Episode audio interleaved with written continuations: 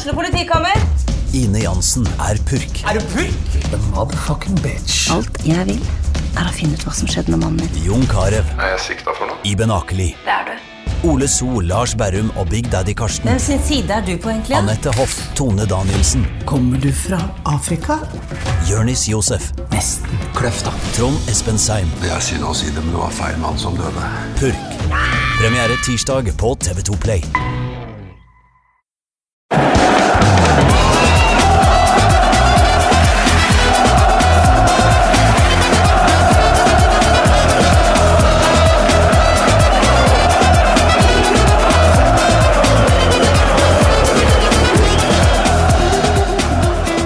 Hjertelig velkommen til forhåpentligvis en ny heidundrende episode av Pyro og Pivo.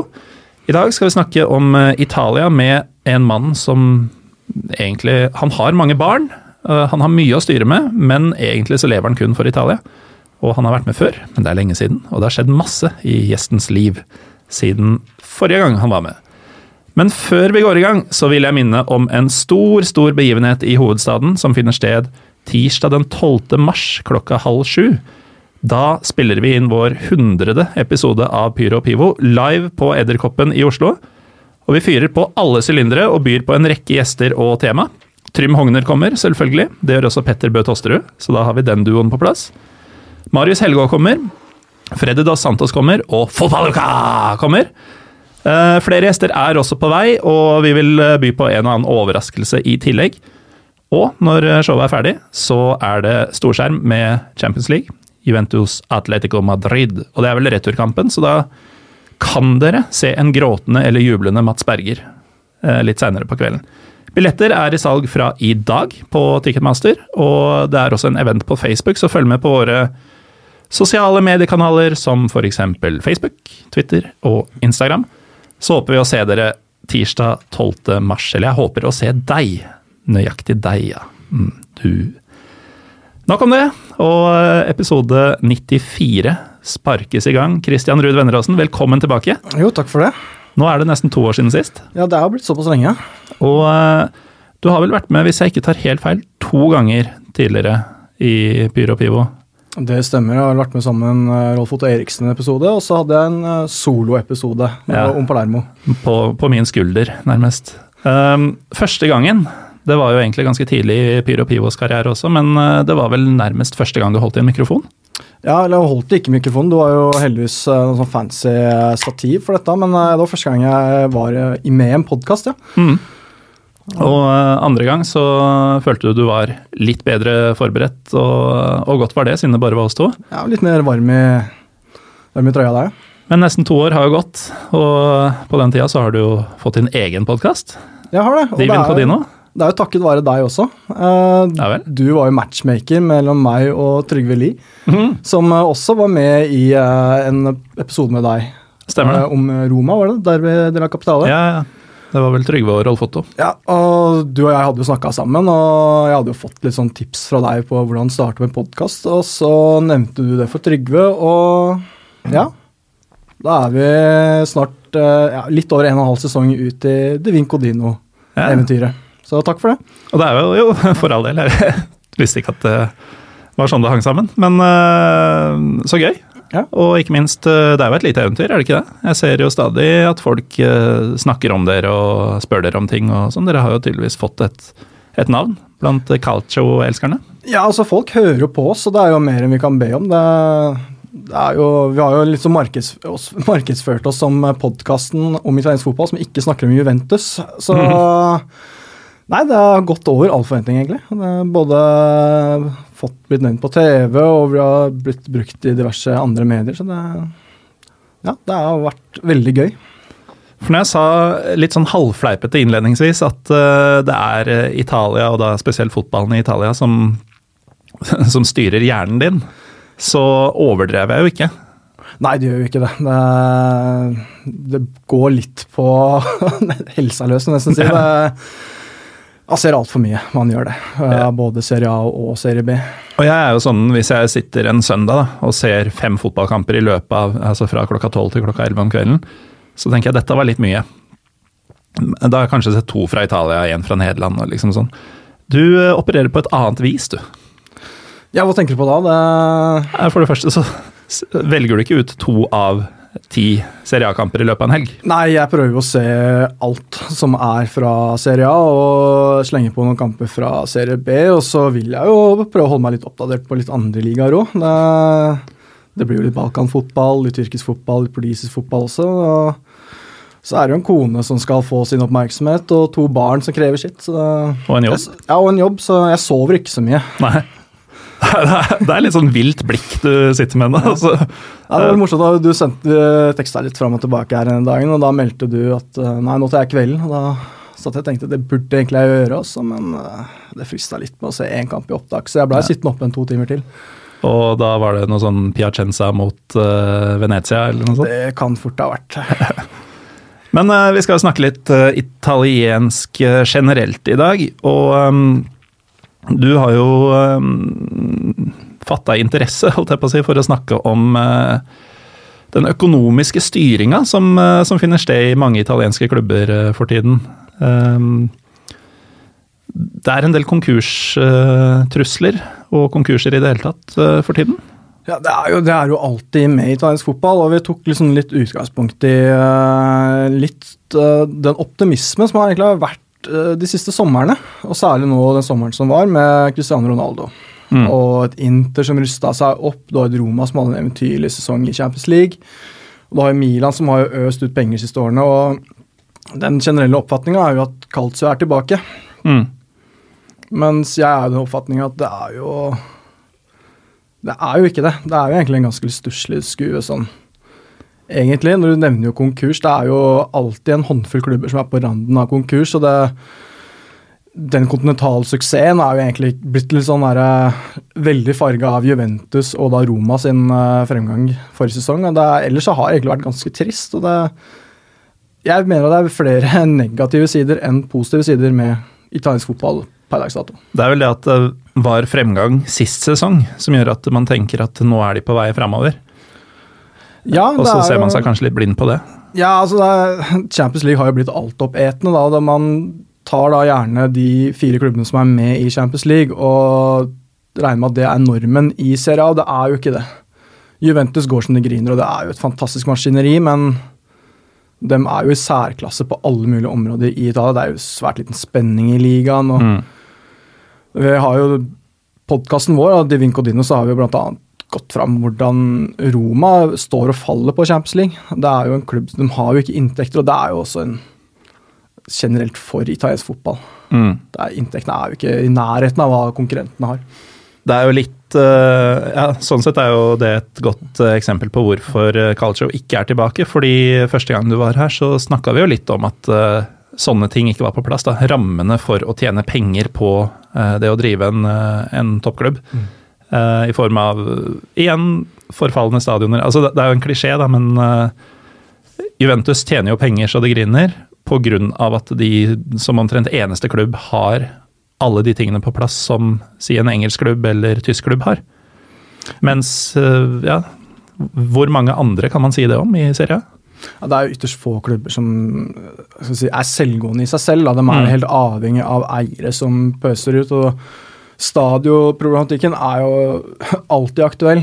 Og den quick fix-løsninga på hvordan italiensk fotball skal løftes, er jo å gi klubbene sine egne stadioner og langt tjene penger på det, for det er jo kommunalt eid alt sammen. Ja. Men uh, det er jo mitt større bilde av dette. her. Det her er jo Italia i et nøtteskall. Det er jo et land i økonomisk kaos, og uh, byene er rett og slett avhengig av den inntekten de får fra Eh, disse stadionene. Og da er spørsmålet skal man løfte fotballen eller bryte ned samfunnet. Mm. For det, det, er nesten sånn at uh, Du må velge? Ja, En by som Napoli er helt avhengig av San Paolo, som Napoli betaler masse penger for, og man får utgiftene. Mm. Eller inntektene fra kampdagene. Det, uten det så er jo Napoli enda dårligere stilt enn hva det allerede er. Altså, altså Napoli byen. Mm. Um, nå hadde vi håpa å ha med Hans Fredrik Eh, fra, fra, Twitter, holdt jeg på å si, i dag, men han er dessverre dårlig. Han har jo bodd eh, en god stund i, i Firenze nå, og på godt og vondt, kan man si, for de som har fulgt ham på Twitter. Det er jo, Du sier eh, økonomisk kaos i Italia. Det er jo alltid politisk kaos. Og det er jo også et infrastrukturkaos i hverdagen, som, som Hans Fredrik har tweeta om en, en stund. Det er jo det er jo et slitsomt land, altså herlig å besøke, men man skjønner jo at fotballen ikke går på skinner når ingenting annet gjør det. Ja, sånn at Fotballen speiler jo på veldig mange måter resten av samfunnet. Det er jo, Man kan jo ikke si det samme om Premier League, f.eks. Mm. Der går jo økonomisk så det griner, mens uh, ja, resten av landet bare griner.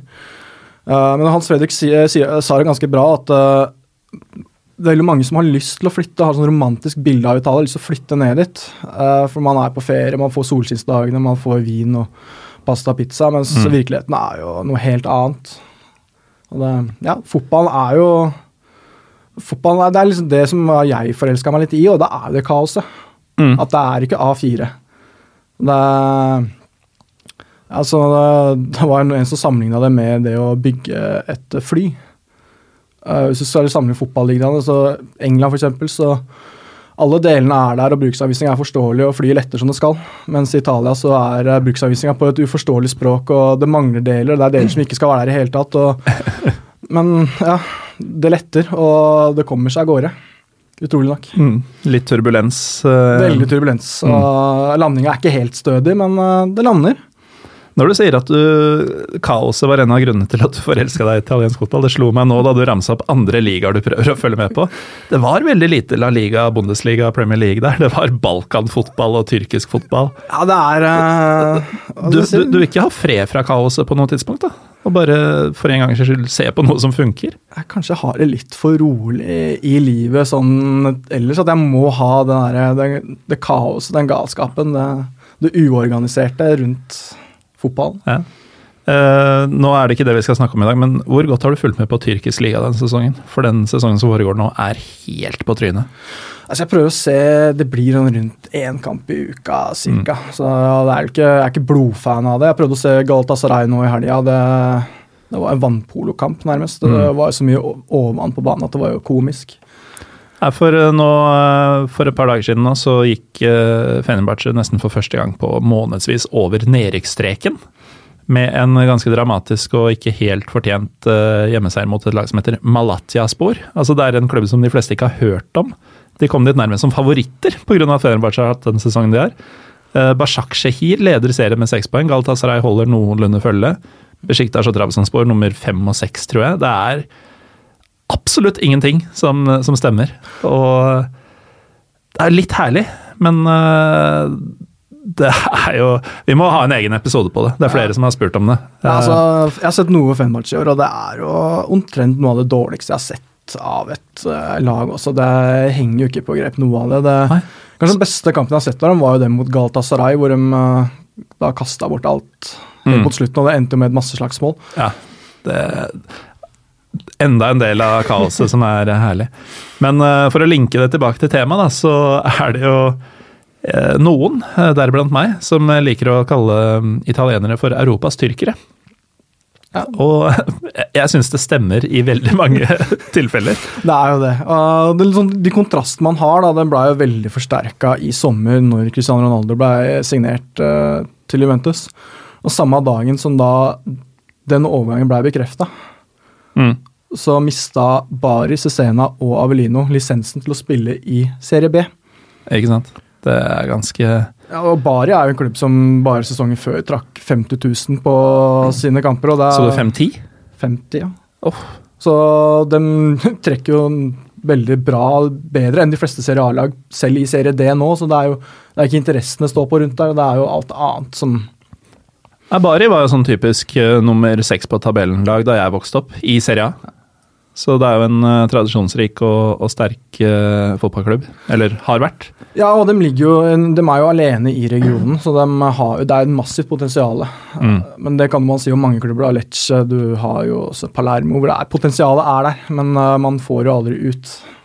Nei, Palermo har vi jo en egen episode om, du og jeg, men det er jo også nesten to år siden. Hvordan er har det blitt noe bedre? Hvor mange eiere og trenere har vært siden uh, april-mai uh, 2017, som var sist uh, du var her? Altså, sist jeg var her, så var det i ferd med å bli et eierskifte. Melzo Samparini var på vei ut, og amerikaneren på Baccaini var på vei inn, så vi snakka en del rundt det. Det husker jeg. Eh, Og han amerikaneren virka ganske gæren, han òg, da du hadde gjort litt research på han. Ja, han var jo ikke stabil for fem øre. Det var jo tidligere MTV-programleder som eh, hadde spilt basket, og dermed kommet til Italia for å spille basket. og ja, når man googla navnet hans, så var det stort sett nakenbilder som dukka opp. Men uh, det endte jo med at det ikke blei noe av det oppkjøpet, rett og slett fordi ja, Det kommer litt an på hvem, hvem som uttaler seg, men eh, når det endelige budet skulle komme i juli måned, så var det mye lavere enn det man hadde blitt avtalt. da. Eh, Paul Baccaini skyldte på at eh, klubben hadde rykka ned, verdien var ikke like stor. Mm. Men Samparini mente at det var jo bare et tegn på at Bakaini ikke hadde de pengene Ja, ja. eh, som han uh, påstod at han hadde. Det høres ganske Samparini ut å, ta, å lage en beef av det. Men eh, etter det så Han måtte jo beholde eierskapet, men han eh, har jo ikke fungert som president. Han har jo vært uh, konsigliere, altså rådgiver for klubben, eh, og har egentlig holdt seg ganske greit eh, i bakgrunnen.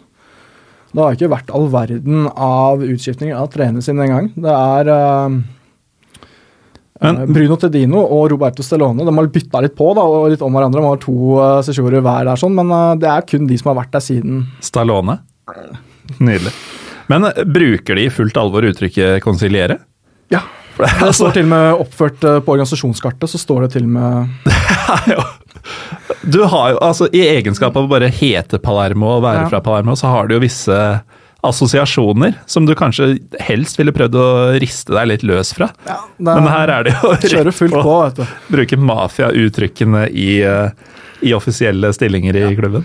Og dette har kommet på et tidspunkt hvor klubben uh, Påtalemyndighetene i Palermo prøvde å begjære en konkurs, og det har jo vært gjennom en rettslig dom uh, hvor den blei frifunnet. Uh, saken har blitt gjenopptatt, for det viste jo seg at uh, den som da var klubbpresident på et tidspunkt, eh, lovte en kompis av en av dommerne en plass i styret i Palermo i bytte mot frikjennelse, så ja, Hva som skjer der, eh, er jo ikke godt å si. Det som er at det er jo Madrid Samparini som er tiltalt, og ikke klubben Palermo. Og nå har man faktisk bytta eiere. Nå er det engelske eiere av alle mulige ting. og man kan jo spørre seg hva i all verden skal en gruppe med engelske investorer inn i en serie B-klubb å gjøre? Det er vel eneste klubben de har råd til. Ja, men samtidig, altså, da kunne du like godt bare beholdt de pengene, for det er ikke noe å tjene på det. Så det er jo, nå heter jo eiergruppa heter Sport Capital. Eh, de kjøpte klubben for 10 euro. 10 euro? Ja. Altså, er, i, I fotballuka så sier de ofte 10 euro og 50 euro og sånn, og bare utelater ordet millioner. ja, her er det bare 10 euro. Men det er bare en sånn symbolsk sum. Eh, de, de er jo betraktelig mye dyrere, for de har jo plikta seg til å betale all gjeld som er i klubben. Det er på nesten 23 millioner euro. Mm. Eh, og de har lov til å rette opp det underskuddet som allerede er denne sesongen her. Men uh, det her er jo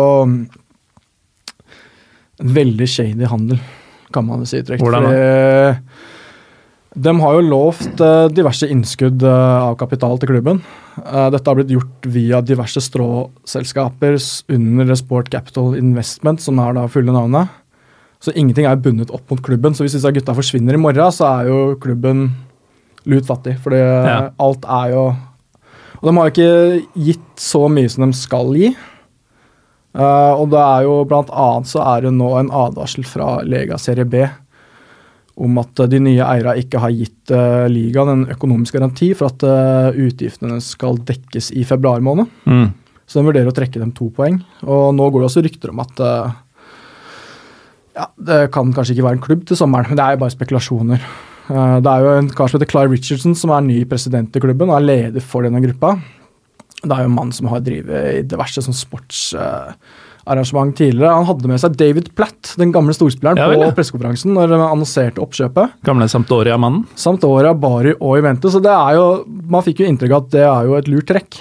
For da får du en som kan, han kan internasjonal fotball, han kan også Serie A Italia. Han snakker bl.a. flytende italiensk. Mm. Han var henta inn som en rådgiver for denne eiergruppa. En konsiliere. En konsigliere, som forsvant etter to dager. Inn har da Dean Holtzford kommet. Sporløs borte, eller? han, er, eh, han lever, tror jeg. Eh, Men eh, han er ikke på Sicilia, i hvert fall. Men det er Dean Holtzford. Det er mye Premier League-navn fra ja, 90-tallet. Ja, Fra Bolton og Wimbledon, for de som husker på 90-tallet. Uh, Dean var spissen, og David var stopperen. ja, det var det noe sånt Dean var spissen, Mm. og hvis jeg ikke tar helt feil, så er det første tvillingparet som har møtt hverandre som trenere i en ligakamp i England. Se her, ja.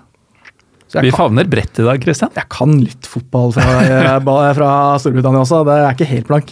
Ja. Men det her har jo vært en eh, røre av en annen verden. altså Dean Holdsworth har bl.a. på sin LinkedIn-konto skrevet at han er sportssjef for Palermo. Eh, Og det er han ikke. da nåværende sportssjef Rino Foski fikk jo spørsmål om det. Og var ikke videre happy for det, så måtte man trekke tilbake klubben. Måtte da slippe en pressemelding hvor man angrep media for å finne opp en sånn historie. Men det, det, det er han som skrev det selv på LinkedIn-kontoen Ja. sin. Uh, og det har jo vært mye rot. Man veit egentlig ikke hvem som har ansvaret. Man skulle annonsere en Mr. X, og da Alle supportere steiler av den grunn. En Mr. X det høres alltid så spennende ut. Og da er mitt spørsmål når har det noen gang vært en Mr. X som har levd opp til forventningene? mm. Uh, denne Mr. X er jo ikke akkurat så, så flashy. Det er nordmann, faktisk. Hva behager? Niklas Gunnarsson. Ja vel. Uh, og her er jo det som er enda mer røra, da. Fordi plutselig på Jeg lurer på om det var fredag, så dukka det opp en kar på treningsfeltet til Palermo som ingen visste hvem var. Da mener jeg ingen visste hvem han var, og man måtte spørre Roberto Stellone på pressekonferansen seinere på dagen hvem var han der karen på treningsfeltet. Ja, Han sa at ja, det er Mr. X da, som klubben lovte for en måned siden hun skulle hente. Mhm. Ja, ny spiller. Ja, han er på prøvespill. Mr. X er på prøvespill. Ja, Han vi eh, annonserte for en måned siden. Og da ble jo da spørsmålet ja, hva tenker du om han?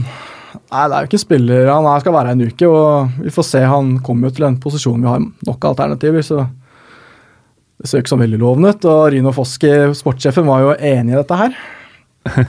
Så begynte det å komme rapporter i de lokale mediene om at eh, Niklas Gundersen hadde blitt lovt en kontrakt, hvilket prøvespill. Ja, Så her er det kommunikasjonssvikt. Og på lørdagskvelden annonserte da både Clive Richardson og Dean Holdsworth på Instagram at uh, Niklas Gunnarsson har uh, signert for klubben. Gratulerer, Kristian. ja, med en kontrakt til eh, 2020, men det har aldri kommet noen pressemelding fra klubben, og det er heller ikke sendt inn noe overgangspapir på forhånd. Så det er jo bare et, et rør av eh, ja, Palermo verdig, da. Den årvåkne lytter um, har kanskje lest mellom linjene, hvis de ikke kjenner til deg fra før, da. eh, og skjønt at du er faktisk Palermo-fan. Det tror jeg ikke vi sa eksplisitt uh, tidligere i Nei, jeg er jo det. Uh, Det er ikke bare bare å være deg. Nei, eller det er egentlig ganske godt å være meg, men uh, man ser jo mye dårlig fotball. Det gjør man. Og, Ja, altså Dette om at det kanskje ikke er noen klubb til sommeren og sånn. For det, det stikker ganske dypt, dette hos deg. Det er, det er din favorittklubb nummer én. ja, det er dem jeg uh, setter av tid uh, altså, Jeg ser veldig mye italiensk fotball, men jeg ser veldig mye opptak. Mm. For Rett og slett fordi familielivet tar jo sitt. Ja, du lar det Altså, ta den plassen det bør ta. ja, men uh, akkurat Palermo, det Der har jeg go for at når Palermo spiller, da Da, da stopper alt annet. Ikke sant? Um, men uh, Haitam Alesami, han er der fortsatt? Ja, han har en utgående kontrakt, da. Så det har Mm. vært rykter uh, ganske lang tid at han er en spiller man vil prioritere å selge, men så kommer dette eierbyttet, og så ja, kan spørre seg selv om det er Han er kanskje litt avventende. Blir det opprykk, så kanskje han signerer en ny kontrakt. Mm. Ellers så har det bare ikke vært. Har du inntrykk av at han trives, eller? Fordi han har jo vært med i flere år nå, og uh, du må jo tenke at du skal være ganske glad i både klubb og by og fans for å gidde dette her. Spille for tomme tribuner uh, og ha det rotet rundt seg. Ja, det er, sånn sett så må han jo trives. Men samtidig, han har jo Det som i hvert står i mediene, er at han er ikke spesielt gira på å signere en ny kontrakt, og det er derfor man har prøvd å selge den også. Uh, men han får jo veldig mye positive positiv omtale av de rundt klubben som Mm. den personen han er. Det har vært fra dag én at han kom. Han tok jo språk veldig tidlig. Han har vist veldig gode holdninger, så han er jo veldig Mm. godt likt blant klubben. Uh, blant supporterne så er det mer liksom blanda følelser. Han har ikke helt Han starta veldig lovende, og så har det blitt på en måte stedet hvil, vil, men uh, personen Haitam Al-Samia har jo vært gull verdt for Palermo. Men uh, vi må nesten opp en divisjon igjen, Kristian. Vi Vi har jo egentlig satt av litt tid til uh, Serie B, men det var ment å være mer mot slutten. Ja. Eh, Vi, vi, vi, får, se, vi vi, håper jeg. vi får se hvor vi, hvor vi havner. Men tilbake til det vi egentlig snakka om, som føles som en evighet siden nå. altså Økonomisk kaos, en viss europeisk suksess for noen klubber. Mm. Uh, du sa at det er mer negativt enn positivt ved italiensk fotball akkurat nå. Hvor går italiensk fotball, tenker du? Det er veldig vanskelig spørsmål å si. Det, nå er man en del av den gruppa med nasjoner som har blitt garantert fire plasser mm. i Champions League. Og det ser jo ut som at det vil være de samme lagene som tar år etter år. Nå er det litt kamp om den ene plassen. Jeg holder for at Roma som en favoritt er sånn. Mm. Og da vil det være de samme fire som fikk plassen forrige sesong. Og da vil det jo automatisk bli et økonomisk skille eh, til de andre klubbene, og det vil jo være et ganske stort gap. Og det er jo allerede et veldig stort gap ja, for... fra Juventus til Napoli, og der igjen til Inter, så det er man sier jo når man følger med på Premier League og sånn at eh, det er, det er uhyre viktig å få disse fire plassene. Egentlig er det ikke så viktig der fordi de har så mange inntekter ellers. altså De har enorme TV-avtaler, de har enorme sponsoravtaler. Uh, veldig mye penger som kommer inn, altså uansett om du er nummer tolv på tabellen, da, eller om du er et championship, for den saks skyld. Mm. Men uh, som du var inne på i stad, klubbene i Italia er jo ikke selvgående. Nei, ikke det. det er eh, dårlige avtaler, det er dårlige inntekter på kampdager og på salg av effekter og så videre, fordi fans ofte ikke har råd til å kjøpe noe særlig. Um, så der er jo faktisk det skillet reelt. Mm. Dersom de samme fire klubbene, eller fire, fem, seks klubbene tar de, tar de plassene i tre-fire år, så er det jo to divisjoner. Ja, altså Du har jo Arsenal da, i Premier League som har vært utafor uh, noen sesonger. og de er jo fortsatt konkurransedyktige. De vil fortsatt hente de beste spillerne fra andre ligaer. Uh, fordi det er inntektene som du sier, er så store. Mm. Roma må komme til Champions League. Hvis ikke så er uh, vi har snakka litt om det, at det er en litt sånn Leeds United. Ja. Det, er, det, er, så høy gambling det Roma driver med. Rett og slett for inntektene Bare forrige sesong da, så var jo dem det laget som tjente mest i Champions League. Men allikevel gikk det på dundrende underskudd, og da solgte man også Alison og Raja Nainggolan. Mm. Og likevel så går man kraftig med underskudd, og man holder seg med hodet over vann pga. Champions League. Og et absurd høyt keepersalg. Ja, og blir det ikke Champions League, så må de jo selge enda mer. Mm. Og det er jo det eh, Roma har jo blitt Italias svar på Arsenal. Man er fornøyd så lenge man blir topp fire, for da, da mm. holder driften seg videre. og da det er jo aldri noe framgang. Det er på stedet hvil hele tida. Man uh, blir topp fire, man får et par spillere som blomstrer, man selger disse spillerne, henter et par unge, og så går det to sesonger, så er de blomstra, og så blir de solgt videre. Så det er sånn her, eh, tandemhjul som bare går og går. Det er liksom hamster som bare løper. Jeg må bare ta en uh, generell uh, personlig kjepphest, fordi jeg mistenker at du kanskje kan være på lag med meg her.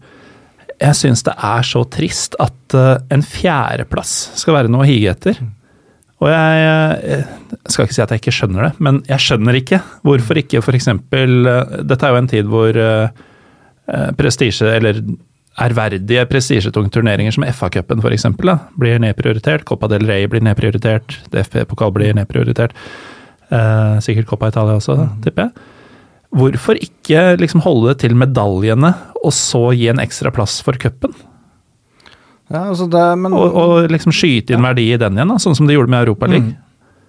Ja, men det er jo Mye av dette er pga. Uefa. At uh, økonomiske fordelen med å komme til Champions League kontra Europaligaen er så enormt stor. Jo, det er det jeg mener. Ja. Hvorfor kan ikke en av de fire mm. plassene være cupvinneren? Ja. Men det er litt sånn der eh, Jeg påpekte på Twitter i går kveld faktisk at uh, fotball har blitt sånn samlingssted for tapere.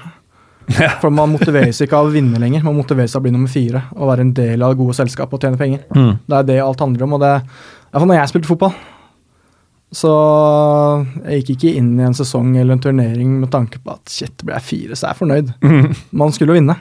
Målet er å bli nummer fire? Ja, det er liksom det som er greia. Det, mm. det er stusslig, og det jeg, jeg syns det er så galskap. Nå har jo selvfølgelig de kommet uhyre skeivt ut, og det ville være en stor seier for uh, Solskjær som manager om man skulle skvise United inn i topp fire nå.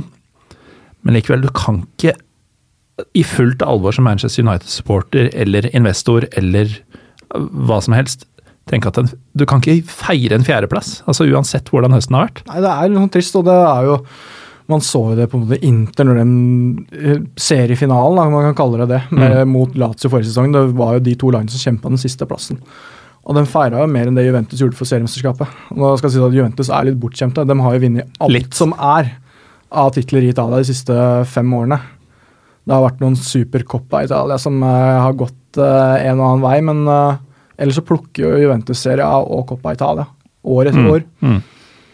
Men det er fortsatt litt trist å se på. det kan også Du, du er Lillesund-supporter. Jeg nevnte det for en kollega her når sesongen ble avslutta, hvor han hadde jo da vært på hardfylla etter siste seriekamp. Han er også Lillestrøm? Ja, og tenkte hvor trist er ikke det? Når du feirer, hva ble det med? 13? Ja, det var ikke å feire 13.-plassen, det var jo at man ikke rykka Nei, men det er litt det, at man har kommet dit, da. Du, du kjører en fyllekule ut av en annen verden fordi du ble nummer 13. Nei, Jo, men det, det vurderte jeg også, faktisk. For jeg, jeg var helt sikker på at uh, Lillestrøm var ferdig som eliteserieklubb for nå. Og for min del så er det slutten på Lillestrøm som klubb, nesten. Um, men ehm, igjen, vi, vi drifter av gårde iblant, uh, Christian. Ja, men er fotballen er sånn. Det, eh, det finnes sidespor overalt. Det uh, finnes sidespor uh, overalt. Um, men eh, det, det bringer oss litt til neste punkt, egentlig. Fordi um, du sa at Juventus har uh, plukka med seg skudettoer og Coppa-titler uh, så lenge vi kan huske, nesten nå. Og vi må jo snakke litt om prosjekt Scudetto i Napoli. Fordi Rolf Otto Eriksen trodde jo lenge i fjor at det skulle gå. Eh, og jeg tenkte alltid at skal det noen gang gå, så måtte det være forrige sesong. Og det gjorde det ikke. Og så røyk Sarri, og så er Hamsik fasa ut, og det er, det er liksom ikke helt det samme lenger. Og nå, nå ligger det et hav bak Juventus. Det er ikke noen kamp lenger, selv om de fortsatt ser ut til å være nest best i landet. Er prosjektet dødt? Jeg vil si nei, egentlig. Eh, Jeg er liksom litt mer optimistisk på vegne av det prosjektet. For det, med Sarri så visste man på en måte hvor det ville gå. Det, det var jo varsellampene blinka jo veldig. Han evna ikke å få nye spillere inn i laget, han evna ikke å rotere på laget. Mm. Og man visste at det ville bli en slitasje der til slutt. Og man regna med at på et eller annet tidspunkt så kommer han til å irritere på seg alle rundt seg òg. Det skjedde jo. Mhm. Eh, altså få inn Angelotti, altså Toppnivået er vel ikke der det var under Sarri, men jeg syns det ser, eh, ser litt mer ekte ut. Og det er eh, et lag som du har troa på i flere fronter. Mer ekte som i eh, flere strenger å spille på, eller? Ja, litt det. Også at det er si, Systemet er ikke så satt at det, du ser liksom sånn PlayStation-aktig ut. Mm. At Ja, det er litt mer rom for å gjøre ting selv, f.eks. Og det Ja, når det ikke ser så plastisk ut, så syns jeg det er mer interessant å se på. Men jeg, jeg bare, Det er mulig det ble hypa veldig forrige sesong, men det virka som det var en sånn enhetsfølelse i laget. Altså Alle disse spillerne som har blitt gjennom over- overgangsvindu etter overgangsvindu, har jo trodd på at før eller siden så ville det lykkes. Eh, og så gjorde de ikke det når de var så nærme som de kom, da. Eh, hvilke insentiver har f.eks. Kolibali, eh, Insigne, resten av gutta, Allan, til å bli værende nå? Fordi de ser jo selv at de er et hav bak. Ja, og det er muligheten for å tjene seg enda rikere og ja, komme til en mer attraktiv klubb som Snakk på Champions League, for eksempel, da. Ja. Eh, er jo helt klart til stede. Og det var vel snakk om en sånn pakt som var blant gruppa, at okay, Mm. det er nå eller aldri. Ja. Og man så jo Jorginho forsvant jo til Chelsea, og det Mm. Men jeg var overraska over Napoli, at uh, man regna med at Anslotti er en sånn type trener. Når han tar ut lag, så forandrer han ikke så veldig mye. Han lar det gå en periode med det systemet som var tidligere, før han sakte, men sikkert uh, overfører sitt spill. Uh, men i Napoli så funka ikke det så veldig bra.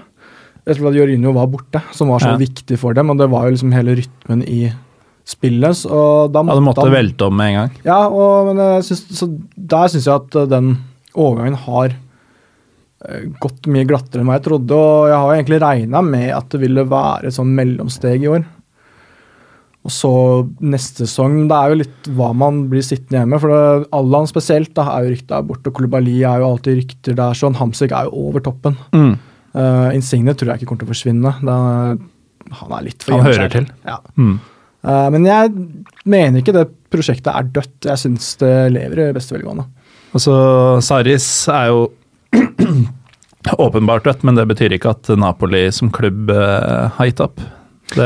Nei, jeg syns det er så mye positivt med det, og jeg syns det Mercatoen de hadde, overgangsvinduet, den var såpass oppløftende. Jeg syns man har fått inn de nye spillerne på en veldig bra måte. Man bruker mye mer av stallen, og man er mer med på flere fronter. Nå røyk man ut av Champions League, men det var ikke fordi at man Mange påstår at man nedprioriterte det forrige sesong.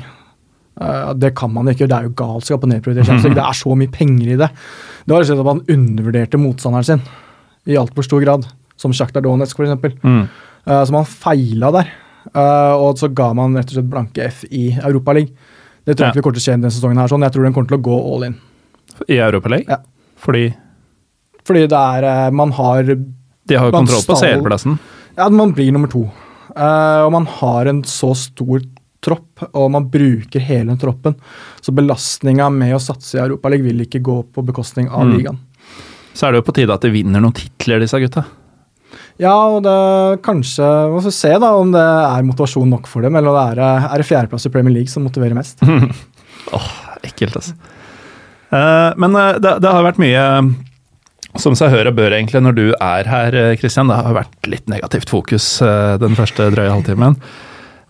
Vi må snakke om litt hyggelige ting fra italiensk mm. fotball også, og jeg tenker jo enhver tvitrer har sett mye hype om Fabio Quagliarella mm.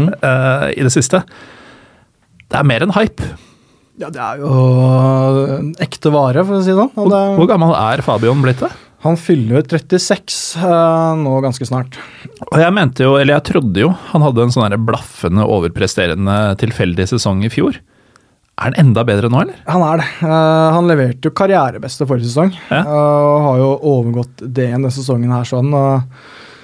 jeg har snakka med ganske mange Milan-supportere, spesielt Milan. da Eh, før forrige sesong, da hun snakka om liksom, de spillerne som skulle komme inn, og nevnte jeg ofte Fabio Cagarella som en genial signering for dem.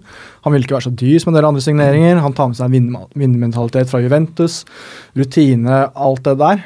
Og da fikk jeg hele tatt svaret nei, han er for gammel over toppen. Mm. Han er jo ikke det. Han var jo aldri helt på topp da han var på topp, hvis du skjønner hva jeg mener. Han var alltid en god spiller, mm. men han var aldri sånn superstjerne eller en som han tenkte altså Da var i Juventus, eksempel, det var jo ikke han som skulle skyte Juventus til titler.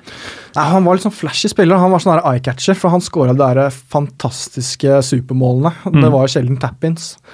Men han gikk jo gjennom en uh, personlig krise når han var i Napoli. Han er jo fra Napoli, så han fikk jo den drømmeovergangen da han gikk fra Sampdoria. Men det gikk jo ordentlig til helvete, for han ble jo stalka av uh, en gjerning. Som både han og familien. Og I Napoli? I Napoli, så det ble jo en rettslig prosess, og vedkommende fikk jo ganske mange år i fengsel for dette her. Uh, blant annet så var det en kompis av Fabio Carella som uh, ansatte en politimann til å da undersøke eller fikse etterforske saken her sånn. Og det viste seg jo ettertid at det var den politimannen som faktisk var stalkeren. Oh, det er bra det er, film, ass. Ja, det er jo det, og det er en helt vanvittig historie. Det er uh, den kom ut for en uh, Det ble vel kjent for en tre år siden, tror jeg. Uh, at han hadde gått igjennom det personlige helvetet mens han spilte i Napoli. Var, han ble jo hata i Napoli når han gikk til Juventus. Det hatet er jo borte, for man skjønte jo at han måtte jo komme seg vekk. Mm. Det var jo trusler om både det ene og andre, både mot han og familie. og man hadde jo og Stalkeren hadde fullstendig kontroll på dem. Han fikk jo brev i postkassa, Foreldra fikk brev i postkassa hvor de kunne skrive hva man hadde kjøpt på butikken dagen etterpå, hvor ofte han satt på do, sånne ting. De hadde fullstendig kontroll. Overvåkningspolitiet som, ja, som stalker deg? Uh, så han uh, har jo fått han fikk en ny vår etter det her, og ja, 36 år gammel og aldri sett bedre ut. Ja, Den nye våren ser jo ut til å være, vare evig. Altså Du sier det var karrierebeste forrige sesong, og nå ser jeg jo så mye Sampdoria jeg kan bare pga. han. Ja. Og det er jo ikke bare skåreren i hver eneste kamp. Han nå har han jo tangert uh, Batistuta-rekorden med skåringene fra ja. sist uh, runde. Elleve strake kamper er det vel, med, hvor han har skåra. Det, altså, det er jo ikke blaff. Det er jo ikke det, og han følger jo da opp en allerede eventyrlig forrige sesong. Mm. Men jo, han har jo fortsatt flashen. Ja. Altså, han setter mye straffer. Han, det var jo grunnen til at han fikk skåringer, i, skåringer faktisk, i forrige kamp.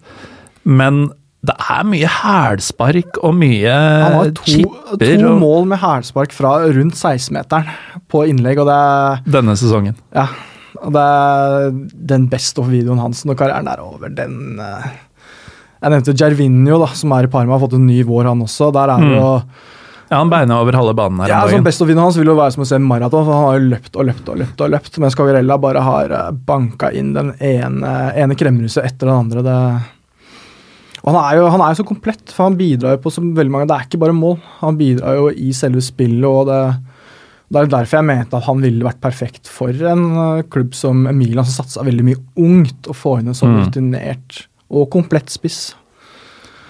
Tenk at du mest sannsynlig hadde rett. Da, Milan-supporterne lo av deg, og, for de lo. De lo, de lo også når jeg mente at uh, det var ikke sjanse i havet at de ville klare Champions League forrige sesong. Jeg fikk rett i det jo. Ja. ja, men det, folk snakka om at de skulle true Juventus og sånn. Ja, ja, det var jo Så kjører de på med Borini hver eneste kamp.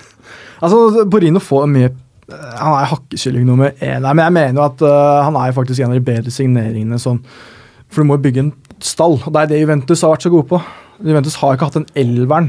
De har hatt en hel stall. Du må ha noen sånne kjipe, kjedelige Jo, men den som- spilleren skal ikke spille hver kamp. Nei, det, men Han er det ikke John O'Shay, O'Shea, liksom. Det er problemet at det er alt annet rundt den som ikke er bra nok. Det er jo ikke han som er problemet, mener jeg. da. Det er jo det alt annet som er for dårlig. For Mm. Han er en fleksibel spiller som kan spille i veldig mange posisjoner. Han har et bra toppnivå de få gangene han har et toppnivå. Uh, han gjør jo aldri en dårlig kamp, han har bare en kjedelig kamp. sånn sett. Men, uh, så hadde det vært mer futt i de rundt den, så hadde han vært helt genial for en klubb som skulle jakte Champions League. For du må ha noen sånne det gjerne drittspillere som spiller 10-15 kamper uten en sesong. Uten at laget blir nevneverdig dårligere av den grunn. Altså, Simon Paduin har hvor mange skudettor. og man vil ikke tro det når man ser han spille sånn ellers, men uh, han har gjort sin jobb der òg. Um, jeg tenker litt sånn om um, Parolo også, jeg i Lazio. Han subber liksom bare rundt her, men han scorer så jævla mye. Ja, Men- altså, grå og kjedelig spiller, men han gjør jobben sin og han bidrar på sin måte. da. Mm. Hva kan vi forresten si om, um, om Roma-klubben i år? Altså, Roma har vi jo snakka mye om, de spiller et høyt spill, men mye talent der nå, da, om ikke annet. Men det er jo alltid det som er greia. Det er jo det er mye ungt og talentfullt, men du vil jo aldri se dette laget blomstre. Fordi de unge og talentfulle, idet de er i ferd med å blomstre, så er de borte av klubben. Mm. Men uh, de har jo hatt en liten opptur. nå synes jeg Saniolo har vært veldig positiv. Han kom jo som en del av den Nainggolan-avtalen med Inter. Mm. Og han ser jo helstøpt ut som en Serie A-profil. Folk lo jo ganske godt av det salget, de som i hvert fall ikke følger Italia like godt som deg. da. Uh, forholdsvis lav sum og så litt sånn nobodies eh, inn. Men uh, Saniolo, han, uh, han er fin om dagen. Altså, jeg syns det var riktig tidspunkt å selge Nainggolan. For han er en veldig energisk spiller og har en veldig krevende spillestil. Og han har bikka 30, du så at han var på vei nedover, og han har en veldig hard livsstil. Det er mye festing og moro. Det er det. Og på et tidspunkt så det vil ikke fungere i en sånn gruppe at han får de frie tøylene som han gjorde over så lang tid. Og Mm. når karrieren er liksom på hell, så mente jeg det var riktig tidspunkt å selge, selv om han vil jo, er jo fortsatt en veldig god fotballspiller. Men jeg mente tidspunktet for å få Selv om jeg er ikke så veldig opptatt av den der jeg skal tjene penger på spillersalg, så mener jeg at der var tidspunktet riktig. Og så mener jeg at Alison var Man må jo bare selge for så mye penger for en Ja, keeper. Ja, ja, Og det er jo ikke at Robin Olsen det er ikke der det skorter for ham denne sesongen. her, sånn. Jeg syns han er en helt OK keeper. og det, Mm. han, er ikke, han er ikke på Alison-nivå. Det er han ikke, for Alison er kanskje verdens beste keeper, men, mener jo jeg, da. Eh, men det er det at man ikke har brukt de pengene på å bygge det rundt. At det er Mm. der det har skorta. og det jeg holder fortsatt som favoritt til å bli nummer fire, og den kommer seg til Champions League, og man selger unna de beste spillerne, så så går det sånn. Same procedure as every year. Ja. Mm. Og de er fornøyd med det. Ja, Italias Arsenal. Hva med Lazio, da? De eh, har jo begeistra tidvis i mange år nå, og spesielt da Balkangutten min, Mhm. Sergej. Hva, hva er ståa for Lazio nå? De ligger jo i det gruppa, den utfordrergruppa som er med og kjemper om den fjerdeplassen, sammen med Milan og Roma. Og Er det i nærheten, tenker du? Altså, Mange har jo dem som den lille favoritten før sesongen. her, sånn, Fordi mm, mange så jo Roma som såpass svekka at nå var det Lazio sin mulighet. Den var jo bare et hårstrå fra å få fjerdeplassen forrige sesong. Men mm. uh, jeg mener jo Simone Sagi har tatt det laget så langt han kan ta det. Jeg mener han viser så mange taktiske brister at uh, jeg ser ikke noe fremgang for det laget så lenge han er trener. Og men går det på Simone Insagi som trener, eller på spillematerialet? Litt begge deler. Uh, jeg syns han gjør for mange taktiske feil. Uh, han er veldig Man har ett spor å kjøre på. Uh, og når det da ikke fungerer, så er det aldri noen plan B. Som regel når man setter i gang plan B, så går det skikkelig til helvete. For man tar ut Lukas Leiva hver gang. Og da tømmer man hele midtbanen, og det, det skjer jo gang på gang. Nå spilte man en kanongod kamp mot uh, Juventus nå nylig. Man leda 1-0. og Han brant sjanse på sjanse, og så venta han på at det, en vandrende katastrofe, for det er for mange vandrende katastrofer på det laget. så bare venta på at det skulle smelle inn. Da. Den kampen der er kanskje det mest symptomatiske for Serie A-fotball eh, de siste i hvert fall fem årene, sånn jeg kan se det. En vanskelig bortekamp på papiret for Juventus. De kommer i trøbbel, mm. og til slutt så er ikke motstanderen god nok til å straffe dem og få noe ut av det. Og så ender det jo med at de, de får med seg det de trenger. Ja, altså det er jo sånn der, Juventus jeg mener det er kanskje det kjedeligste laget å se på i Serie A. Ikke for at det er et dårlig fotballag med dårlige enkeltspillere. Ja, men jeg men ser helt seriøst bare Juventus-kamper hvis det er mot ja, Lazio, Milan, Fiorentina De kule, eller store klubbene eller kamper hvor det kan være en viss uh, nerve. da.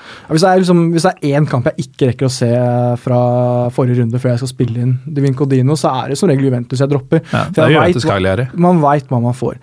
Man får et lag som er så suverent mye bedre enn alle andre lag, som kjører på en 70-80% og så setter de inn det ene giret ekstra så et par minutter, får den ene skåringa de trenger, og så toner de ned igjen. Mm. Så du veit nøyaktig hva du får. Nøyaktig, faktisk. Ja. Og det um, var vel egentlig også tilfellet mot uh, Lazio, selv om den satt forholdsvis langt inne til det må være. De gjorde det, men du veit at du har de enkeltspillere hos mm. som kan fikse det. Og som jeg nevnte, altså, det er jo for mange vandrende katastrofer i det Lazio-laget. Du veit enten så vil Bastos rote vekk ballen, Vollos være fullstendig feilplassert, Stefan Radu fullstendig droppe og presse sin spiller, eller en kaptein, Stefan Luller, som drar ned en spiller som er langt unna ballen. Det er liksom det er litt sånn selvmordsbombere utpå der. Før eller siden så går det til helvete. Det er jo en herlig gjeng da, når du ramser dem opp uh, sånn, men jeg skjønner hva du mener. Um, en ting som, um, som vi også må snakke om, uh, det er jo litt sånn utafor den topp fire, topp fem-gjengen, men det er jo et par lag som er helt magiske om dagen, på, på godt og vondt, som, som det ofte er i Italia. Vi må jo snakke litt om spesielt, tenker jeg, Atalanta og Fiorentina. Hvem vil du begynne med? Å, du kan uh, få lov til å velge, du. Jeg er uh, glad i begge deler. Jeg, jeg mistenker at uh, Hans Fredrik skulle egentlig vært med her, så jeg regner med ja. Fiorentina var spotta inn. Jo, men det er ikke, altså, jeg kan godt snakke om dem uten han. Altså, Nei, fordi de siste par kampene ja. har jo vært helt gale. Mm. Hva er det de har? Seks, nei, sju-seks på to kamper. Og fire poeng. Og tre røde kort. Ja, det er jo De har alt? De har alt, uh, bortsett fra stabilitet. det er, og det er jo det som er liksom akilleshæren deres. Det er uh, Man gikk jo gjennom en uh, revolusjon der sånn, man kvitta seg med absolutt alt. Og De trodde det skulle bli mye verre. Ikke man sant? gjorde det. Uh, de klarte seg bedre enn det jeg trodde hun skulle gjøre forrige sesong. Men det er jo ja, så store høyder, dype daler. Og spillere som Du har en Giovanni Simione, da som, uh, nå har han vært helt naken i sesongen her, sånn. Mm. Og han, var han har vært ræva. Og han var i det store deler forrige sesong også, men når han er god, så er han så fantastisk god at han ender på tosifra mål uansett. Uh, så du har alle de spillerne der. Du har en Luis Morel som har vært helt rå etter han kom fra Sevilla nå. Det er bare så utrolig kjipt at du veit han allerede har pika.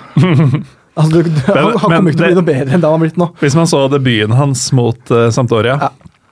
Så altså, hvilken som helst spiller er det peak for. Ja, ja. Det, det, går jo ikke an å overgå den prestasjonen. Nei, altså, han har jo sånn Toppnivået hans blir jo ofte sammenligna med fenomenet Ronaldo. Den originale eh, Ronaldo. Ja, altså Det er nesten så jeg går med på det. Ja, også Eh, den, særlig den, den an, den andre skåringa spesielt, altså, Mm. hvor han uh, løper fra egen banedel og drar forbi med hælspark og det som er. Det er jo så Ronaldo som kan få det, og Mm. han har et toppnivå, men som, altså, han, Han skårer ikke i neste kamp. han, han gjorde jo det. Ja, Men han kommer ikke til å skåre i neste kamp. Han kommer til å underprestere ganske kraftig som er nå satt. Det kommer han til å gjøre, og han kommer til å ha en og annen kamp som, gjør, som plutselig er han der oppe igjen. da. Og Det gjør jo at han stadig er aktuell for en toppklubb, for man veit at toppnivået er der inne. Det er liksom som med Mario Balotelli. da. En dag skal jeg temme han. Altså, En dag skal jeg finne stabiliteten hos Louis Morel. Lucien Favre gjorde jo det til en viss grad en stund i NIS, Ja. eh, og så gikk det over. Og, og det vil de jo alltid gjøre med Balotelli, og det vil de antagelig alltid gjøre med Muriel. Jeg Men- kom, jeg kom på det, faktisk, det er vel jeg lurer på den andre eller tredje gangen hvor jeg har vært der hvor vi faktisk har endt opp å snakke om Balotelli. Så det Det er ikke alltid min skyld, det var du som brakte den på Ja, banen. det er det. Man, jeg syns man, man må snakke om Mario Balotelli også når jeg snakker om italiensk fotball. Det er, øh, men det er sånn, han er en figur, og det er litt det jeg elsker. Det er kaoset, og det er de her figurene. Fikk du med deg debuten hans eh, for Marseille? Nei, jeg så ikke den kampen, faktisk, men det ble jo scoring. ble Det ble scoring, Ja. vet du. Så da kommer jo han til å gå inn i en sånn Louis Muriel-periode, som da vil etterfølges av en såkalt Louis Muriel-periode. Han er, han er gjerne god rett før det skal signeres ny kontrakt, og så, så blir det med det. Sånn som uh, Stefan Cézignon pleide å være i eh, West Brom, for de som uh, tar den referansen. Eh, men Fiorentina er jo Det er jo igjen et lag med mye talent, og det er bare at det er ikke noe sammenhengende, kanskje. Eh, denne Milenkovic, eh, som jeg er interessert i, åssen har han vært? Han var det mye snakk om før sesongen. Sånn, Jeg elsker jo den typen. Jeg elsker jo Balkan generelt. Men, øh, Kjempestor Balkanstopper, det er ikke noe Men det er jo det som er at han har jo blitt omskolert i Fiorentina til høyre back, og jeg syns det er så kult, for at det jeg liker med Pioli sitt Fiorentina, er jo at de varierer så veldig på formasjonen underveis i kampen. Den kan starte en uh, 4-3-3, og så plutselig er det en 3-4-3. Uh, og så varierer man veldig litt, for at man har han på høyrebekken, så plutselig kan man gjøre om til en trebekslinje. Så jeg syns det er en fantastisk herlig spill å se på. Han, Deilig langskudd. Og han er, eh, han er god med kula, han er god i posisjoneringa, han er god fysisk. Han har alt, og han kommer til å bli solgt en mye dyrere liga en gang om ikke så altfor lenge. Så han har levert, selv i en ny posisjon. Jeg syns han har levert uh, så til de grader. Problemet litt med Fiorentina er at det er jo veldig urutinert, så det er jo store stor variasjon i prestasjonene til spillere. Mm. De leverer veldig bra enkelte kamper, og så er det fryktelig dårlige andre kamper. Uh, og så er det litt at jeg savner ledere i laget. Uh, de har ofte en tendens til å være veldig gode i 50 minutter, og så er de fryktelig svake i de neste 60-30 minuttene. Og Da taper man poengene på det, for det er ikke noen ledere som står for det. Det er ikke noen som drar med seg laget, som tar den ekstra fighten. Kanskje et urettferdig spørsmål, men hvor mye savnes av Story i så måte? Var det annerledes uh, tidligere? Det var jo egentlig ikke det. Uh, man var hadde sin beste periode etter bortgangen hans uh, forrige sesong. Det ble en sånn samla enhet, virka det som. Og det virka nesten som at man spilte litt for hans ære. Men det var like ustabilt Mm. før han gikk bort, som det er nå. Ja, for det er litt sånn jeg husker det. Men det bare høres sånn ut som om det de mangler, er Davida type Story. Men det stikker dypere. Ja, altså man skulle hatt flere av den typen. Mm. Det er det jeg savner. da. Eh, du har en Petzella der, eh, du har en Veretout, uh, og så har liksom, du har en Kesa, da, som er jeg vet ikke om han er 19 eller 20 år nå. Det, når alt står og faller på en så ung spiller, så vitner jo det om at du har ikke den nødvendige troppen du trenger.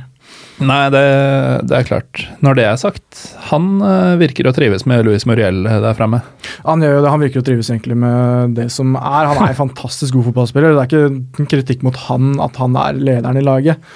Men du veit jo også at med en så ung spiller så vil det variere ganske stort. Og når alt står nærmest og faller på han, særlig offensivt, så viser det seg at eh, det er en sportssjef der som jeg, ikke mener, som jeg mener ikke har gjort jobben sin godt nok de siste par sesongene. Nei, ikke sant. Um, vi må også nevne Atalanta, for de også er jo Nå vil Nils Henrik Smith forhåpentligvis uh, ikke si noe på det jeg nå skal si, men det kan godt hende han gjør. Enorm underholdning, altså en garanti for underholdning. Hver eneste kamp. Mm. Hvor skal vi starte med Atalanta? Det er jo kanskje mitt sånn favorittlag å se på. Eh, hvis jeg snakka om det med Napoli, at det, det ser mer ekte ut nå enn hva det gjorde tidligere. Og Atalanta er på virkelig ser ekte ut, for de har Det er et veldig satt system Gasparini har. Mm. En 3-4-1-2. Det er det han alltid kjører på med.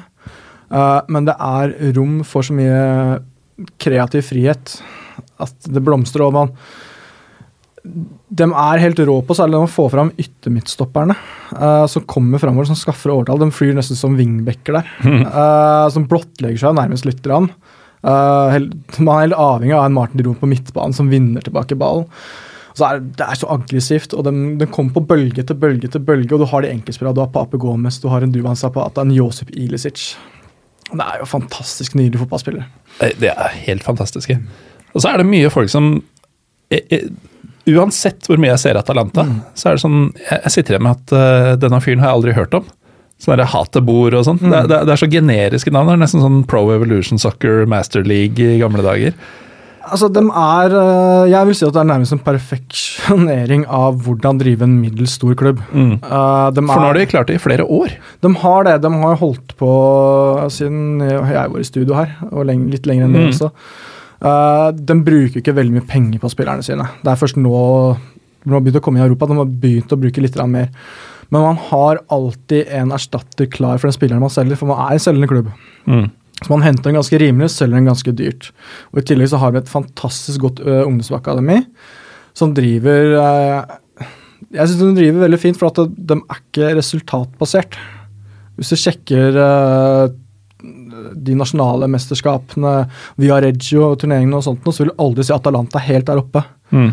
Men de produserer spillere på løpende bånd, fordi at de er mer opptatt av den talentutviklinga enn resultatene. Ja. Og De får fram egne spillere, og de er ekstremt gode på det å låne dem ut til serie B og hente dem tilbake til de er gode. Frank Kessi, f.eks. Et sånn perfekt eksempel på at han ble ikke kasta ut i serie A for tidlig. Mm. Han ble sendt til serie B til han var klar. Mattia Caldara, samme eksempelet. Andrea Conti. Ja. Det er spillere som uh, Hadde de spilt i en eliteserieklubb, så hadde de sikkert debutert da de var 17 år gammel og mm. vært ferdig som eliteseriespiller da de var 20 år, for man har ikke fått den utviklingen man hadde, for at man har spilt på et altfor høyt nivå. For tidlig. Ja, og der er uh, Italiensk fotball er veldig god på det, men Atalanta er i særklasse der, sånn at de timer når spillere er gode nok for Serie A på en perfekt måte. Altså, Er de best på det? Jeg vil si at de har, eh, er blant de aller beste i klassen på det. Juventus er jo også veldig dyktige på dem. De driver på en litt annen måte. De kan gjerne mm. selge spiller unna og ha en tilbakekjøpsklausul som gjør Men uh, Atalanta driver på en litt annen måte, sånn sett. De outsourcer ikke, sånn som uh, Juventus gjør? Altså, De har en drøss av spillere på utlån. Det, det har jo alle Serie A-klubber. De vil jo slite når disse her nye RUEFA-reglene som kommer, hvor det er en maksgrense på antall spillere du kan ha på utlån. Mm.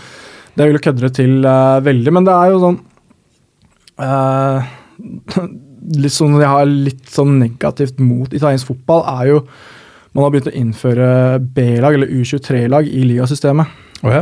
uh, Juventus er allerede inne i Serie C nå. Mm. Uh, og det er Unnskyldninga der er jo fordi at uh, da vil flere unge spillere få spille på et høyt nok nivå. Mm. Men italienske klubber har jo vært Både serie B og serie C har jo regler som gjør at unge spillere får spilletid. Ja, Og, og er serie C et høyt nok nivå for Juventus' utvikling, f.eks.? Det er jo det er en proffliga, det er jo. Det er jo litt av problemet til italiensk fotball òg. Det er jo altfor mange proffklubber. Mm. Uh, det er jo ikke liv laga for at så mange klubber skal være helprofesjonelle. I teorien så skal det være 102 helprofesjonelle lag i Italia. Det er flere enn i England. Det er jo det. Og for det er Det som er normen, er egentlig at Serie A skal ha 20 lag. Serie B skal ha 22 lag, og Serie C skal ha 60 lag. 60? Mm, Helprofesjonelle lag. Det er tre avdelinger med 20 lag i hver. Eh, det som er, denne sesongen her sånn, så er det 20 i Serie A, som er vanlig. Det er bare 19 i Serie B som har ikke fylt opp kvota der. Uh, og det er kun 59. Det er, bare ett lag som mangler. Forrige sesong så var det 57 lag, så den klarer ikke mm. å fylle opp med lag. Hva sier de selv om dette her? De må jo se problemet? Ja, altså Det er faktisk et av de få fornuftige forslagene som jeg har sett fra FIGC, da, som er italienske fotballforbundet. Det er Gabrielle Gravina som er president der nå. Um, de som har lest uh, boka 'The Milk of Castel di Sangro'. Jeg kjenner kanskje igjen det navnet. Det, han var jo den uh, amatørmessige klubbpresidenten som leda dette små provinslaget som plutselig var i Serie B, uh, og drev jo veldig shady. Det kom jo annet fram at uh, spillere innrømte ha kasta seg i Mhm. siste kampen der sånn. Castel di Sangro, det var eh, Carlo Codicini-klubben, var det ikke? Ja, det var en av de første klubbene han spilte for, ja. Mm. Uh, og det er jo fortsatt det minste lag, eller den klubben fra det minste stedet som har spilt i Serie B. Mm. Uh, men han er jo nå president i Italienske Fotballforbundet, og han har jo sagt at uh, neste sesong så skal Serie B tilbake til 22 lag, som er normen. Ja. Uh, men på sikt så ønsker de å redusere til 20 lag. Noe som er litt morsomt, fordi Lega Serie B, altså klubbforeninga, ligaforeninga for Serie B, foreslo før denne sesongen her at vi vil ikke tilbake til 22 lag, når Mhm. disse klubbene som vi snakka helt innledningsvis, mista lisensen. Uh, vi vil ha 20 lag. Da sa FIGC nei. Uh, rett og slett det ble administrativt rot som ville kødde til veldig, og da nekta dem andre lag å komme opp. Mm. Disse klubbene. Eh, men de ønsker da å gå ned til 20 lag, eh, og så ønsker man å fjerne proffkravet i Lega Pro, som er Serie C. Okay. Så du vil da til slutt sitte med kun 40 lag som må være helprofesjonelle. Du kan jo ha helprofesjonelle lag under der også, men det er ikke noe krav om det. Men altså, det er et ganske vidt sprang, da. Fra 40 til 102, var det det du sa? Ja, Som er eh, det som egentlig skal være normen. da. Mm. Hva tror du vil skje hvis du sitter igjen med 40 som må? Eh, Hva skjer med de 60 neste? Hvor mange kjører proff, og hvor urettferdig blir det? Du vil alltids ha noen, men eh, veldig mange av dem vil ikke kunne livnære seg som. Og det er jo ikke noe heller. altså Bare forrige sesong altså, du har tre klubber i serie B, bare Cesena og Avelino, som mista lisensen pga. økonomisk rot. Uh, Andria, Mester Reggiano og Vicenza uh, pakka sammen i løpet av sommeren som var. Uh, og Modena ble slått konkurs forrige sesong. Uh, det var også Pro Piacenza som er i ferd med å bli slått konkurs nå. Så det vil jo da Disse klubbene vil jo overleve uten det proffkravet. Mm. Man kan spørre seg selv altså, Når er Italia med en så skakkjørt økonomi, hva skal Verona med tre eh, proffklubber? For det, har jo, det er jo Hellas Verona, Kievo Verona og så har du Virtus Verona. Så Det er jo tre profflag i Verona. Det er ikke liv laga for ett engang. Ja, det høres mye ut. Det, det gjør det. Uh, og, og dette har jo for lengst, egentlig. Uh, uten at uh, det, det har bare skjedd naturlig, uten at jeg har leda noe som helst. Vi har jo nå kommet over til det som er siste post på vår lille sånn setup for episoden. Christians serie B-hjørne, som også tydeligvis er serie C-hjørne. Serie C ja. Lega Pro. Er det noe mer du brenner inne med fra nivåene under serie A?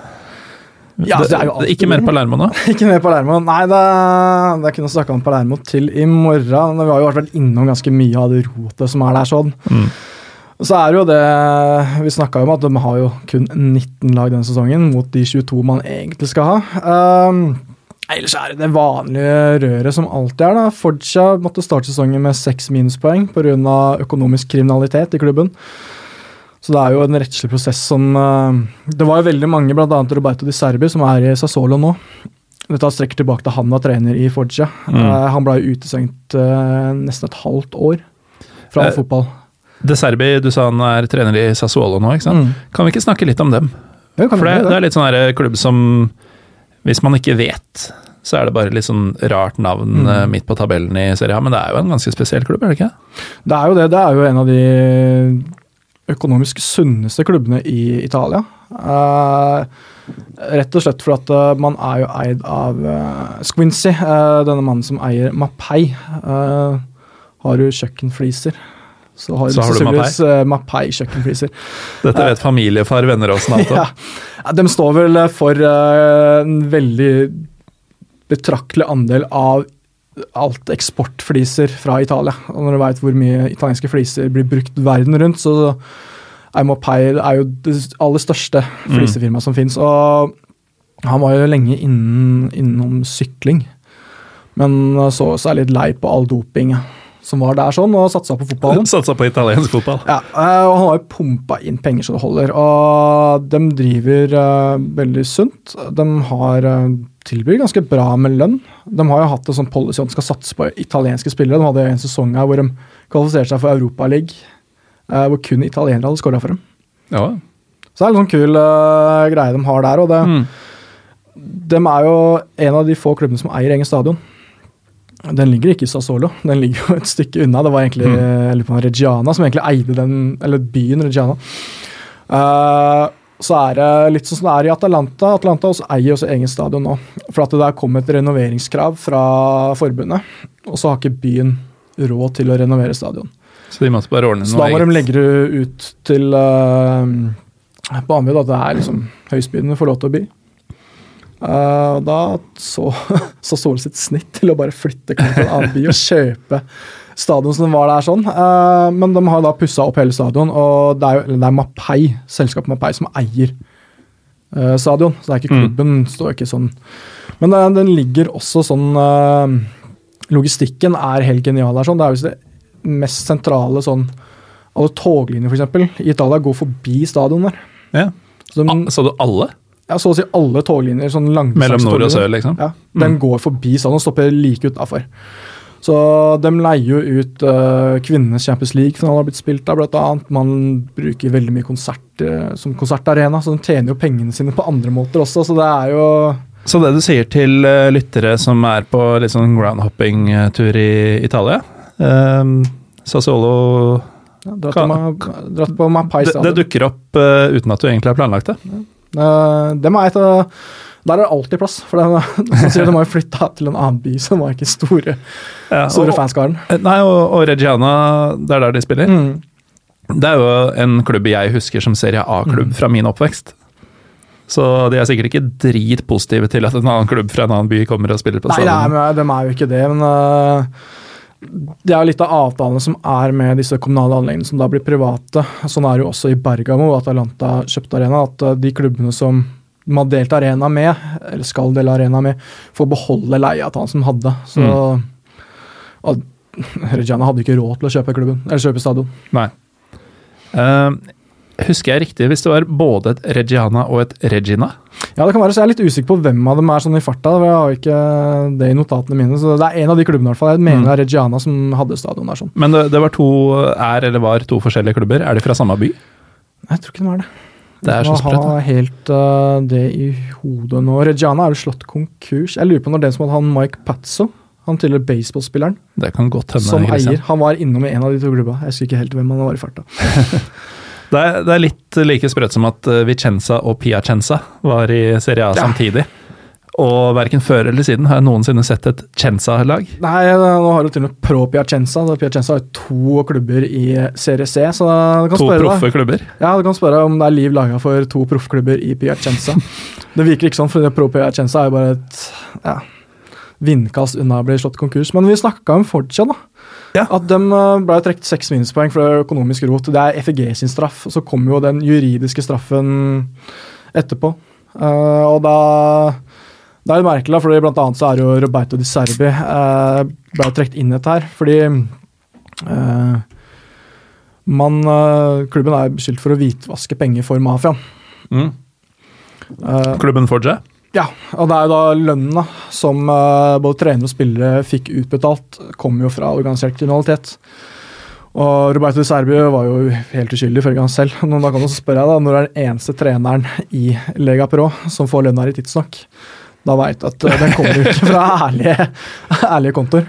Nei, men hvorvidt han var klar over det eller tok, uh, tok stilling til det, er jo To forskjellige. Han ble i hvert fall frikjent av uh, FGC etter å ha fått den anken. ble tatt Ja. til høyde, så det er flere av spille Men det måtte starte med seks minuspoeng. og det, det er jo et kaos. Det har jo allerede vært tolv trenerbytter i Serie B denne sesongen. her sånn. Blant Mm. annet så har både Palermo og Brescia, det er nummer én og to på tabellen, de har bytta trener.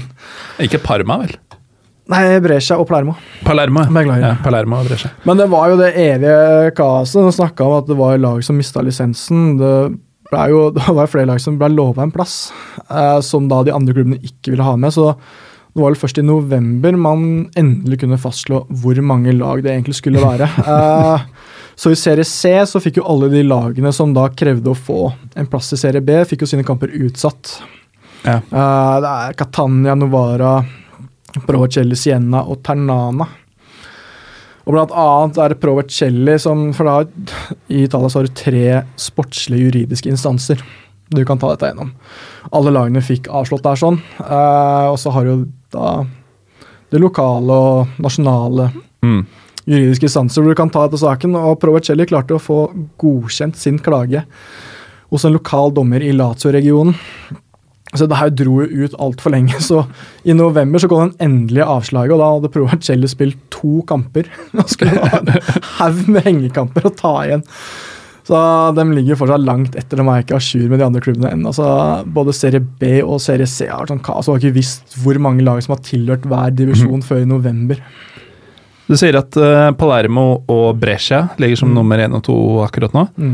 Det er andre toner enn eh, Benevento og Frosinone og Spal. Det er det. Det er gamle travere i Serie Ja, A-sammenheng. det klinger litt bedre. Hvem er det som eh, går opp i år?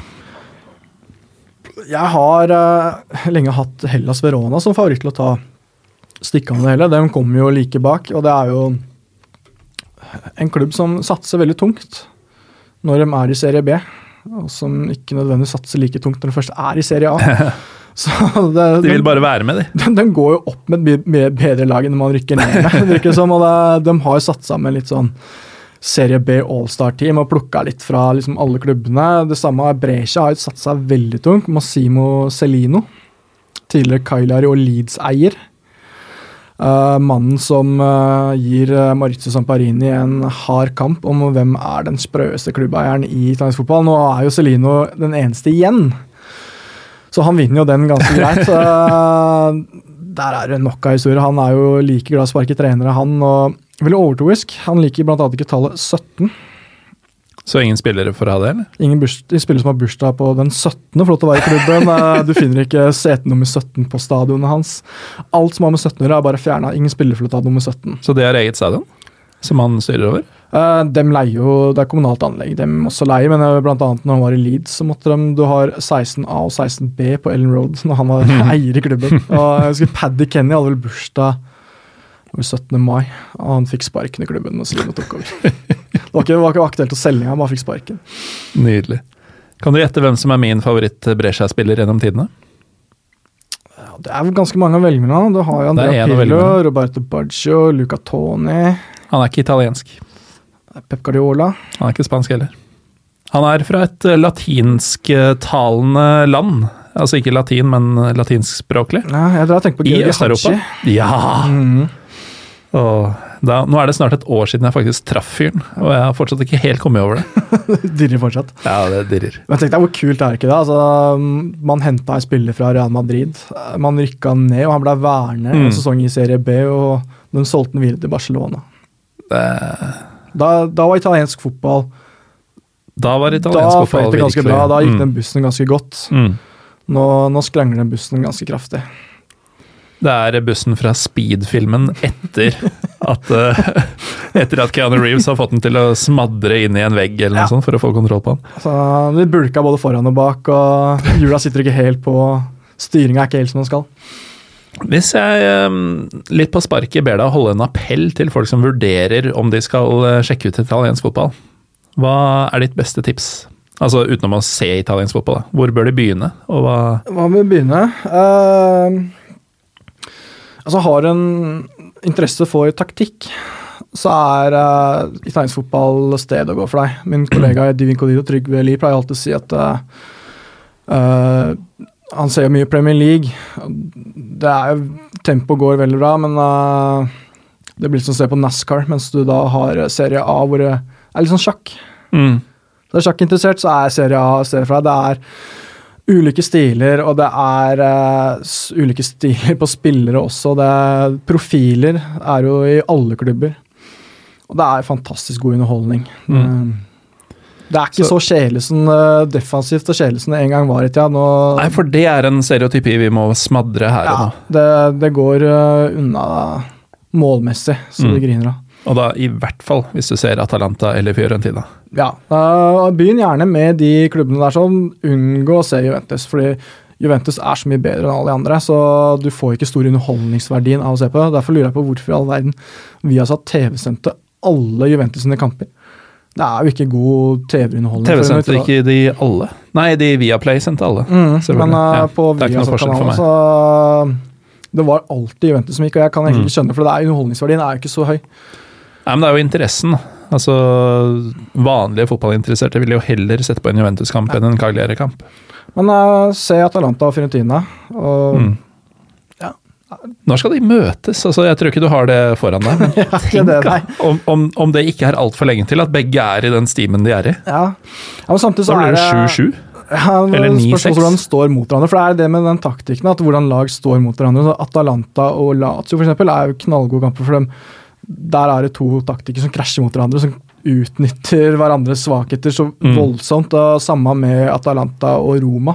Vi hadde jo 3-3 nå i helga, det ble vel 3-3 forrige gang også. det så ja, sjekk ut. uh, Det er veldig mye å se alt sammen. Uh, Jeg vil slå et slag for Kevo til og med. Det er jo hakkeskilling nummer én blant alle Calcio-fans. Uh, Hvorfor eh, slår du et slag for dem, da? det er underdogen. uh, økonomisk så skal det ikke være mulig å ha et lag i øverste divisjon i Italia. Og nå er det ikke sånn at de er oppe for én sesong. Altså, De har jo vært der så de, lenge. Ja, de har vært sånn av og på Serie A-lag i hvert fall 15 år. Uh, Kanskje mer? Ja, det ja, rundt der, ja. Rundt 2000, Mm. så nesten 20 år, da, hvor de har vært uh, opp og ned. og det Nei, altså De kjører med budsjetter, og Cristiano Ronaldo tjener jo langt mer enn det den klubben bruker i løpet av en hel sesong. uh, og de har jo også vist det at det går an å spille fotball selv etter fylt 30. Mm. Det syns jeg er kult. Og de har eh, ofte vært omtalt som et kjedelig lag, defensivt og kjedelig lag. Det, til tider har man kan jo vært det, det, men de har jo også den mest uortodokse keeperen, Stefano Sorrentino.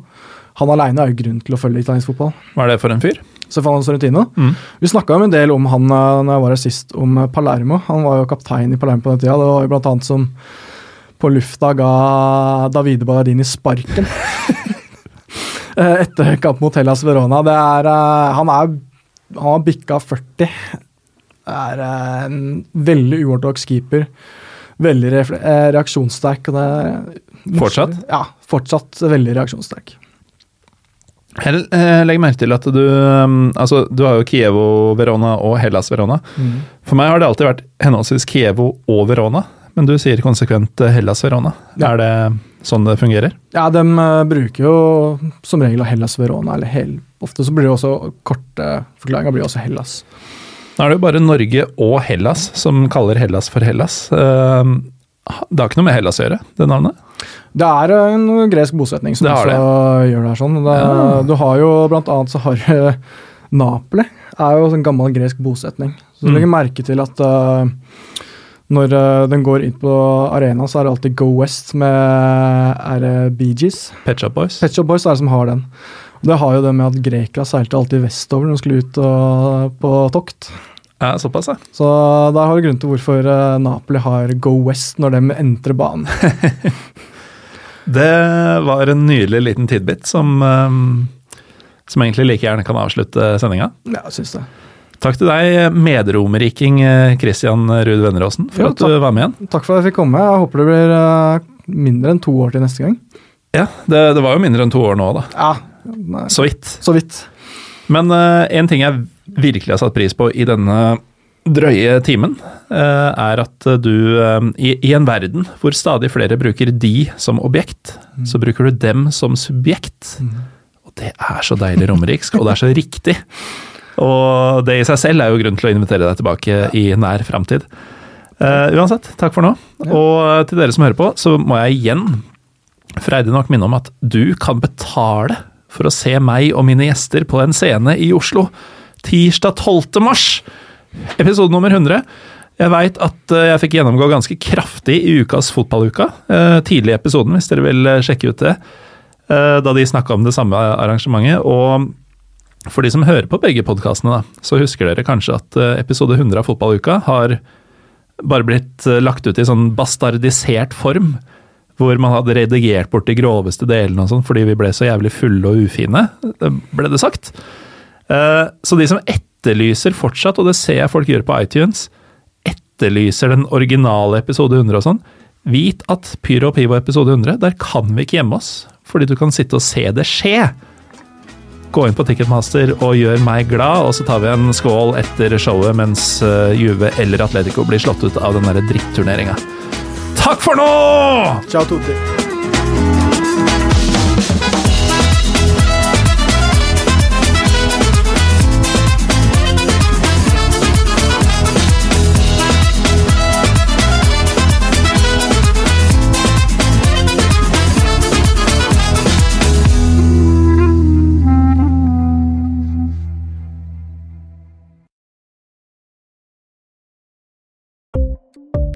Ukens annonsør er HelloFresh. HelloFresh er verdens ledende matkasseleverandør og kan være redningen i en travel hverdag. Mange av oss har nok vandret i butikken både sultne og uten en plan for middagen, som ender med at vi går for de samme kjedelige rettene gang på gang. Middag burde være dagens høydepunkt. Som Hello kan du nå velge mellom 25 ulike retter hver eneste uke, eller få Hello til å sette sammen menyen for deg. Dette gir deg muligheten til å prøve nye og spennende retter alene eller sammen med familien. Du velger antall porsjoner og får alt levert på døren på et tidspunkt som passer for deg. Oppskriftene er enkle, og maten er lett å lage både for store og for små. Ved å få alt levert hjem får du også mer tid til å dele matgleden med familie og venner. Kanskje det frister med asiatiske tacos eller greskinspirert kylling? Da kan jeg anbefale deg om å gå inn på hellofresh.no. Her kan du bruke koden FOTBALL og få opptil 1779 kroner i rabatt på de første fem matkastene hvis du ikke har prøvd Hello Fresh tidligere. Du kan også bruke rabatten hvis du har vært kunde og stoppet abonnementet ditt for tolv måneder siden eller lengre. Gå inn på hellofresh.no og bruk koden FOTBALL. Har du et enkeltpersonforetak eller en liten bedrift? Da er du sikkert lei av å høre meg snakke om hvor enkelt det er med kvitteringer og bilag i fiken, så vi eh, gir oss her, vi. Fordi vi liker enkelt. Fiken superenkelt regnskap.